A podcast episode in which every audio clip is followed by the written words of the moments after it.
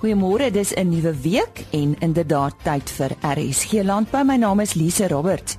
Op vanoggend se program, ons kyk na 'n paar landbou gebeurtenisse hierdie tyd van die jaar. Nou, dinge in landbou is besig om stadig maar seker af te neem en eh, die vakansiegees uh, kom al hoe nader. Dr John Purchase van Agbiz praat oor landbou die afgelope jaar en ook wat ons te wagte kan wees in 2017. Chris Terksen staan gereed met sy vleispryse. Dan praat Henny met Dr Gerard Verdoren oor tendense hierdie tyd van die jaar wat peste en pla betref en Dr Louis de Pisani van die Nasionale Wolkwekersvereniging gee raad uh, vir die volgende maand of wat. So, moenie weggaan nie. Nou ja, soos ek vroeër genoem het, wat groot landbou gebeurtenisse betref, raak dit al hoe minder, maar hier is Henny Maas met die landboukalender. En die uh, landboukalender is daar net twee gebeurtenisse waaroor ons wil praat. Op die 5de Desember is daar die bekendstelling van die Landbou Navorsingsraad se jaarverslag. Dit vind plaas by die RNR se kantoor in Parkstraat, Hatfield, Pretoria. En dan op die 7de Desember by die Lariba Spa en Hotel in Centurion is uh, Absa se landbouvooruitsigte vir 2017 uh, eh, word gehou. Dit is dan al wat betref ons landboukalender. Baie dankie Henny. Nou ja, ons het gewoonlik ook op 'n maandag ons uh, veilingnuus en selfs veilings is besig om minder te raak. Ons het 'n aanbieding oor die 2017 Agbus vooruitskouing bygewoon en hulle het wel vir ons terugvoer gegee hoe die vertroue gelyk het in 2016, die stand van landbou tans, as ook dit wat ons te wagte kan wees in 2017. Dr John Purchase het ook terugvoer gegee oor twee opnames wat hulle gedoen het. Hy begin daarmee. Ja, ons het twee opnames gedoen uh, op ons landboubesighede en natuurlik die kommersiële banke en landbank, al die finansiëerders in landbou. Ons dek almal want hulle is almal lede van ons. Uh en ons het gaan kyk wat is die finansiële posisie ten opsigte van uh, boere en wat is hulle kredietwaardigheid? Met ander woorde, hoe hoe uh, wat is hulle potensiaal om weer krediet te kry om weer aan te gaan met hulle uh produksie en dis meer hulle operasies gegee word die droogte. Uh en uh, want ons moet 'n sin kry dat ons nie ehm um, boere verloor nie. Dit eerstens en en en tweedens dat ons nie voedselsekuriteit uh in die proses skade laat lê nie. So ons het daai twee ehm um, opnames gedoen en eintlik het dit nogal redelik positief uitgekom in in die sin dat uh die banke veral maar ook die landboubesighede sê vir ons dat die boere is oor die algemeen uh, uh, is 'n balanskaarte is oor die algemeen sodat hulle kan die, die skade met die droogte absorbeer en weer nog steeds kwalifiseer vir krediet en aangaan met hulle operasies. Natuurlik is daar skade, maar almal ly skade in in in 'n proses soos hierdie groot droogte. Uh die selfs die verbruiker ly skade want want jou uh, voedselprysinflasie is 12%. So die verbruiker betaal daarvoor die dit is so die boere ly seker die meeste skade. Maar almal ly basies van landboubesighede het skade gely met hierdie droogte. Dis dis wel bekend. So ja, die die groot ding is hoe hoe uh, herstel ons? Wat is wat is ons herstelprogram met hierdie droogte? En ek dink dit wys vir ons dat ons het en ek jammer dat ek die Engelse woord moet gebruik, but the resilience of the farmers and the agribusiness is exceptionally good. Met ander woorde die vermoë om om om om terug te kom van hierdie terugslag is is baie goed. En ons is optimisties dat as, dit 'n goeie jaar is, uh veral vir die graanboere veral wat nou die, die spit afgebyt het met die vorige droogte, maar ook die veeboere is dat die die veld kan herstel en dat ons kan plant en op hierdie stadium lyk dit regtig baie baie beter as verlede jaar. So ons is redelik optimisties. Kom ons kyk hoe lyk belegging in Suid-Afrikaanse landbou. Ja, belegging in Suid-Afrikaanse landbou is laer as wat dit moet wees. Is laer as wat ons dit wil sien. Ek dink is ook laer as vir die regering dit wil sien. En hulle het dit ook vir ons gesê. So daai analises is nogal redelik deurtastend gedoen nou ook vir die CEO proses. Uh en ons moet gaan kyk wat is die probleme hoekom boere en landboubesighede miskien nie nie meer investeer nie. En dit is so daar is sekere beleids uh en en en wetgewende situasies wat te veel onsekerheid skep en die politieke ekonomie in Suid-Afrika skep te veel onsekerheid. Uh ons is nie in goeie spasie nie en die spasie is eintlik uh onaanvaarbaar en ons moet uh, werk om 'n beter dispensasie daar te kry sodat ons meer belegging kan trek want as jy die beleggingsomgewing vriendelik maak, jy trek belegging, dan jy kry groei, dan skep jy werk en dan gaan die land vooruit. Uh so ons moet eers die beleggingsomgewing regkry, uh dan sal ons daai belegging kry. En dit gaan hier ook seker oor vertroue. Absoluut. Eh, dit gaan oor die vertroue en dis hoekom ons die vertrouensindeks het om juis te gaan meet wat hoe lyk daai vertroue. Uh sover as wat ons dit natuurlik kan meet. En dit was swak geweest vir die afgelope jaar of wat. Dit het nou opgetel met die toestande wat verbeter het uh en dis meer so ons hoop net dat daai toestande kan nou uh, deurloop en dan sal ons beter produksie kry en en en en en dis meer. Dan wil ek kom by klimaatsverandering. Uh, ek dink boere word dikwels beskuldig ja. dat ons uh, koolstofvoetspoor is is van die grootste. Maar jy het 'n interessante opmerking gemaak tydens jou aanbieding dat jy voel dat daar eerder na ander industrieë eers moet gekyk word. Ja, absoluut. Ek, ek dis geen geheim dat dat by verre die grootste besoedelaar uh, met koolstof in die lug is is is is Eskom met die kragsentrale. Mm. En en ons uh, standpunt is nog altyd is dat ons moet kyk na beter bronne wat wat wat wat meer koolstofneutraal is of wat selfs positief is vir die omgewing. En daar is fantastiese nuwe tegnologie in die uh, sonkrag, maar windkrag ook uh in die hele hernubare energiebron situasie wat ons kan wat ons baie meer effektief kan uh benut. Selfs uh met natuurlike gas wat baie minder uh, uh wat 'n baie kleiner koolstofvoetspoor nalat is ook selfs 'n opsie. So ons sê dit, ons moet eerder daarna kyk en daarop fokus uh om ons uh om ons teikens wat gestel word met die ehm um, uh klimaatsverandering kongres, die COP COP 22 en dis meer wat ook nou plaasvind om liewers daarna te kyk om ons uh uh koolstofvoetspore af te bring. Ons ons is ons is nie baie gemaklik met alle respek oor die die die koolstofbelasting wat in ingebring gaan word nie. Ons veral vir die landbou kan dit lei tot hoër voedselpryse en ons dink dit kan eintlik negatiewe gevolge hê. Nou ons kyk ons praat wel met die uh veral met nasionale tesorie daaroor uh en ons ook ons bekommernis van dat ons moet kompeteer met mense wat nie aan dieselfde tipe van belasting ehm um, onderhewig is buitelandse goed wat ingevoer word is hulle besig om te kyk na dispensasie daarvoor dat dat dat ons nie op 'n ongelyke speelveld moet meeding nie. Dan wil ons kyk na uitvoere. Dit was nie 'n goeie jaar vir Suid-Afrika as jy dit met vergelyk met 2015 nie. Ja, de, a, absoluut. En dis nie dis nie dat die aanvraag in baie lande kleiner is nie. Ons kon dit nie voorsien nie want ons ons ons uh, die droogte het ons uitsette, ons produksie teruggehou en en en uh, en dit was 'n dis 'n jammerte. Maar as ons net weer kan terugkom waar ons was, dan voorsien ons dat ons uitvoermarkte eintlik mooi kan groei. Ons werk regtig baie nou met die regering konstruktief om, om om ons uitvoermarkte sterker te kry. Het sy vir die vrugte, het sy vir wyn, het sy vir families en 'n klomp ander produkte. As ons dit kan regkry en die nasionale ontwikkelingsplan praat ook daarvan. Hulle sê baie sterk of baie duidelik ons moet 'n positiewe handelsbalans vir landbou en en landbouprodukte daarstel en en en, en ons glo dat ons ons daai buitelandse valuta kan verdien. Dit dit 'n baie sterk stimulus vir ons ekonomie kan wees.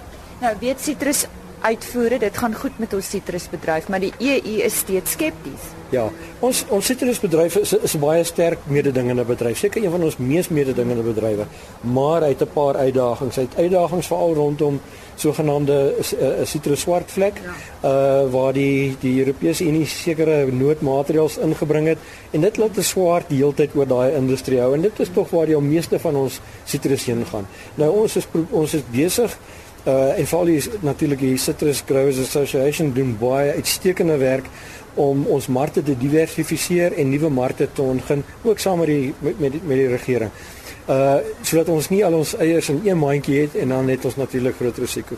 Maar ons moet met die uh, met die met die Europese Unie in in uh duidelikheid kry oor die pad vorentoe rondom swart vlek. Op hierdie stadium lyk dit af asof dit onverwendbaar is dat ons uh, uh 'n uh, aksie moet bring by die handels wêreldhandelsorganisasie uh teen die die Europeërs wat vir wat ons noem 'n onbillike maatreël. En die effek van Brexit? Die effek van Brexit is is tweesnydend. Uh dit skep miskien meer geleenthede vorentoe want Brittanje sou sal nie 'n uh, sogenaamde swart vlek uh storie hê nie want hulle is in 'n gebied waar dit nooit sal voorkom nie. Uh dis die suidelike lande in die Europese Unie uh, waar die moeilikheid kom, Spanje en dis meer. So Brittanje dink ons as as dit sou gebeur, kan dit makliker toegang lewer vir sekere sitrusprodukte en ander produkte. Uh maar aan die ander kant, die Britse pond het weer geval teen teenoor die Suid-Afrikaanse rand meer as ander industrieë. So dit wat ons verdien daar uh is minder ponde, so dis minder rande.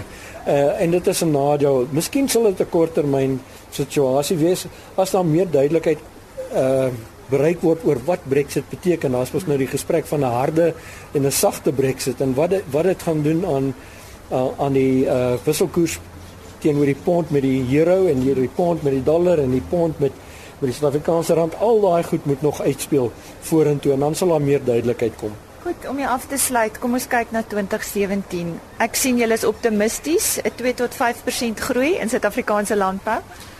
Ja, dis moontlik want ons ons het baie naby aan dit verloor as gevolg net van die droogte. En as ons groter sekerheid kan kry van die regering rondom die beleidsomgewing en ons en en en die toestande soos dit tans heers en dit lyk weer pragtig bewolk vandag en miskien kry ons weer 'n bietjie reën is is ehm um, is de, definitief moontlik om selfs 2 tot 5% in die landbou te groei. Uh dis regtig nie on, on, onmoontlik nie, maar dan haal ons eintlik net in wat ons verloor het tot 'n groot mate. Dit is aan Dr. John Purchase van Agbiz. Chris Jackson sal gereed met vleispryse wat behaal is tydens veilinge in die Noord-Vrystaat op Dinsdag 29 November. Chris, Want die belangrikste is ons moet onthou dit is die 2 weke van die jaar wat groot skape op hulle heel duurste is as 'n reël. Dit is die groot mark vir die informele mark hierdie tyd van die jaar.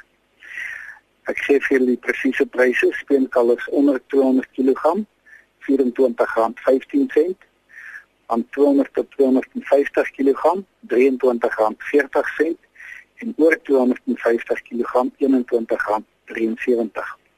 A-klasse R20.61, B-klasse R18.69, C-klasse vetkoeie R17.84 en maarkoeie R14.70 per kilogram. Slagbulle R17.81 en dan stoorlam R32.44, vetlam R28.03, maaroeie R21.26 en vetoeie R21.88 per kilogram. Indien ons van enige verdere hulp kan wees, skakel enige tyd na 08280 75961. Baie dankie. Aan die woord daar Chris Terksen. En nou die gesprek wat Henny Maas gehad het met dokter Gerard Verdoren oor peste en pla die tyd van die jaar, maar kom ons luister. Ons uh, praat nou met dokter Gerard Verdoren en uh, ons sal met hom praat oor uh, die tendense so in die vakansietyd uh, eintlik moet jy sê moet jy sê vakansietyd en die reentyd vir uh, die boonste dele van die land. En daar seker 'n pla wat kop uitsteek nê nee, Gerard. Ja, en ek het al reeds begin oproepe kry van boere af en ehm um, die dinge wat reeds aan die opbou is is die nagmeise of die sogenaamde springafrotte. Dit kom in Noordwes, ehm um, dele van die Vrystaat, selfs in Natal gebiede voor en dan het begin enkele berigte kry oor rooibek vinke wat op plase toesak. Ehm um, nou wat gebeur met die rooibek vinke as gevolg van die geweldige droogte is daar nie veldkras en goed is nie. As ook nie plek om te slaap in die in die ehm um, tipe hitte so die voortrek in 'n plase waar die boere lekker groot bome het wat vir natuurlike geweldige probleme veroorsaak en as 'n moontlikheid dat hulle die die boere se klein gaan gewas kan aanval. Nou ek het nog nie iets gehoor van die ehm um, trekspringkan in die Karoo nie, maar my verwagting sou wees as dan nou skielik reën val met 'n oupa sop vir Februarie maand se kant as ons miskien uitbraking kom en dan ook die komando wat ons bly maar steeds mee agterkop in die laaste paar jaar vir elke jaar hier en daar klein uitbraak gewees maar ons hoop maar dit gaan nie gebeur nie want dit kan ook natuurlik op die veiding wat baie skaars 'n geweldige negatiewe impak hê. Ja, die die droogte het nog 'n impak nee, die pla om dit nou so uit te druk rus totdat die droogte gebreek is. Ja, kyk, die goed is baie dormant nê, nee, tot daar begin genoeg grondvog kom en genoeg lugvog kom. En die temperature bietjie meer kalmeer want party plekke is nog geweldig warm. En so ek gaan van van springkane as die grondvog 'n sekere persentasie bereik en die lugvog 'n persentasie bereik en die temperatuur by 31 Celsius kom, dan moet daar eers uit wat daar lê vir etlike jaar dormant. Nou die rooibek vink in dieselfde storie, hulle hou vas nou vas tot en met die reën kom, dan begin die die broeiaksies en dan is daar natuurlik etlike miljoen hektar van kop aanbod. Selfs met die komando wurms is net 'n geval van of die kondisie reg gegaan. En as gevolg van die lang droogte wat nou Suid-Afrika ehm um, gerem het, ehm um, is daar die gevaar dat die bietjie wat gaan oorbly, gaan deur die pest en plaag opgevreet kan word. Die boere moet hulle oor oor oop hou. Maar op hierdie stadium moet hulle definitief kyk vir die nagmuise, veral in die graangebiede en vir rooibekvinke. So as daar probleme kom, moet hulle maar my skakel op my telefoon 082 446 8946 dat ek hulle kan help met die kontak wat kan help met die beheer van die goed of dan as 'n ou moet inklim met 'n beheeraksie hoe om produkte aan te wend nie om die omgewing te beskadig nie. Ja, jy praat van nagmuise, die die hele praktyk van minimum of geen bewerking, dit het nog 'n impak op nagmuise. Wel, party mense sê dit het nie eintlik 'n impak nie, maar ek met 'n klomp landboukundiges gespreek met 'n klomp boere wat nou diep in die graanbedryf betrokke is. En die opinie loop direk sterk dat ehm um, waar geen bewerking plaasvind, ehm um, het ons eintlik die meganiese oorlog teen die nagmeise verloor. Ons in die ou dae as ou lekker diep met die dolkploeg gegaan het tot by 800 mm het jy daai neste vernietig. Nou bestaan nie aksie nie meer nie. So dis 'n plek waar daar natuurlik baie makliker ingedink kan word die nagmeise. En die aanbeveling van my kant persoonlik is mens moet maar so elke 4 jaar moet jy maar tog jou dolploeg insteek op die plek waar die nagmeise is nie daai neste vernietig en op die manier hulle dan onder beheer hou.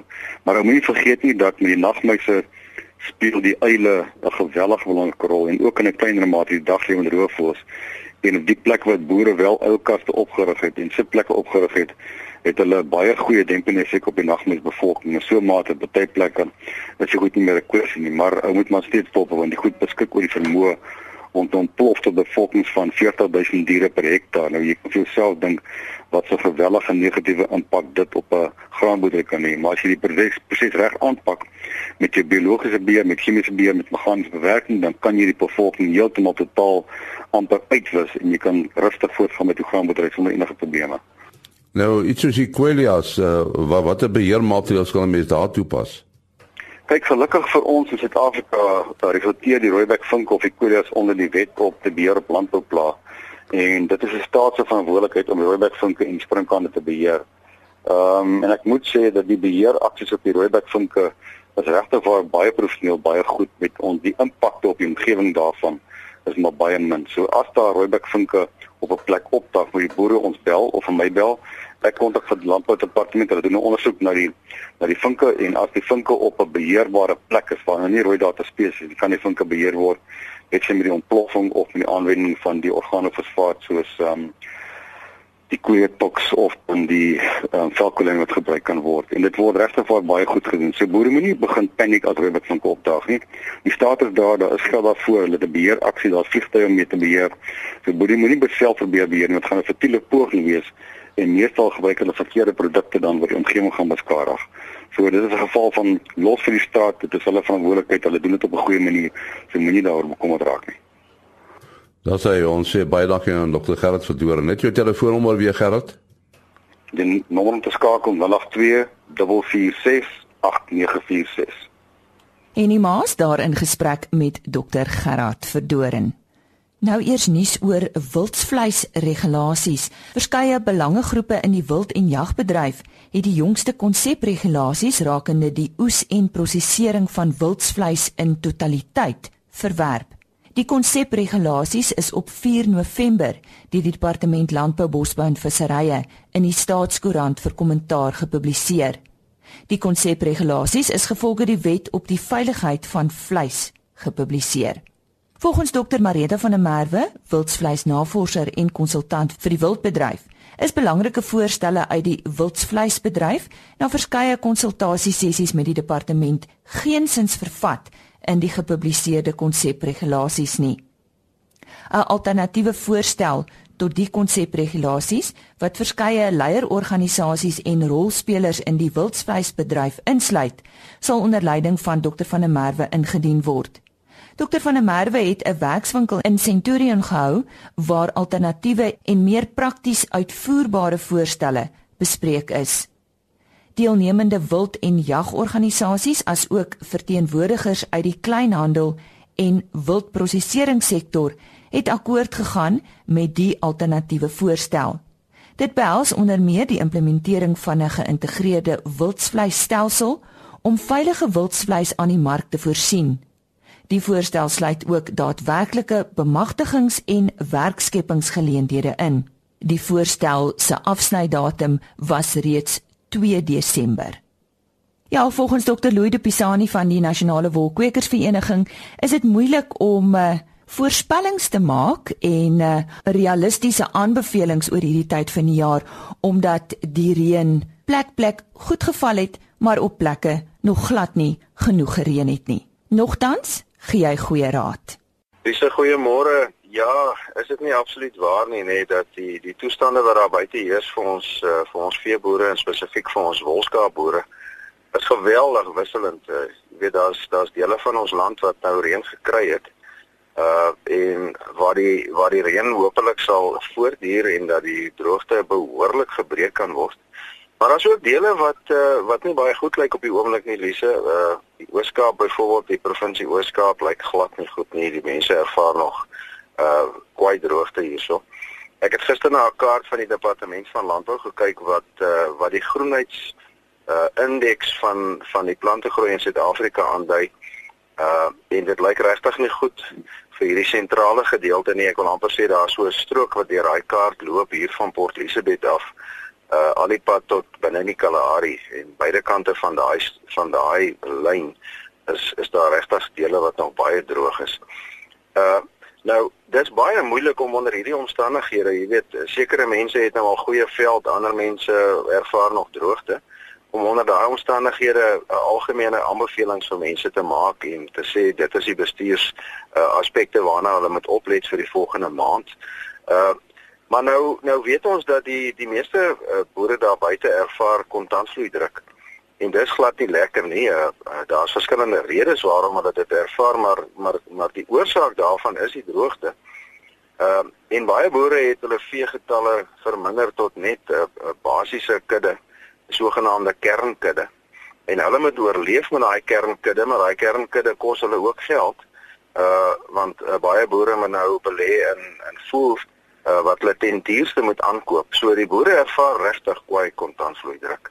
Uh, en 'n mens 'n uh, uh, mens besef dat dat uh, dit 'n moeilike uh, uh, omstandighede op die oomblik is. Ek wil die boere moet praat uh, deur vir hulle te sê uh, ons ons besef dat dit moeilik gaan daar buite. Maar een reël wat wat wat dwars deur geld is wanneer dit moeilik gaan daar buite is dit nog meer belangrik om daai basiese bestuursaspekte op die plaas om dit so goed as moontlik uit te voer. Uh 'n mens wil nie nou moet verloor uh wanneer 'n kontantvloei druk daar is nie en dan alles oorboord gooi nie. Dis nou tyd om daai basiese bestuursaspekte om dit so goed as moontlik te doen uh en en en op die manier kan 'n mens die kontantvloei uh, druk tot 'n mate kan 'n mens uh, dan iets daaroor doen. Nou nou wat is daai basiese goed wat op die oomblik geld?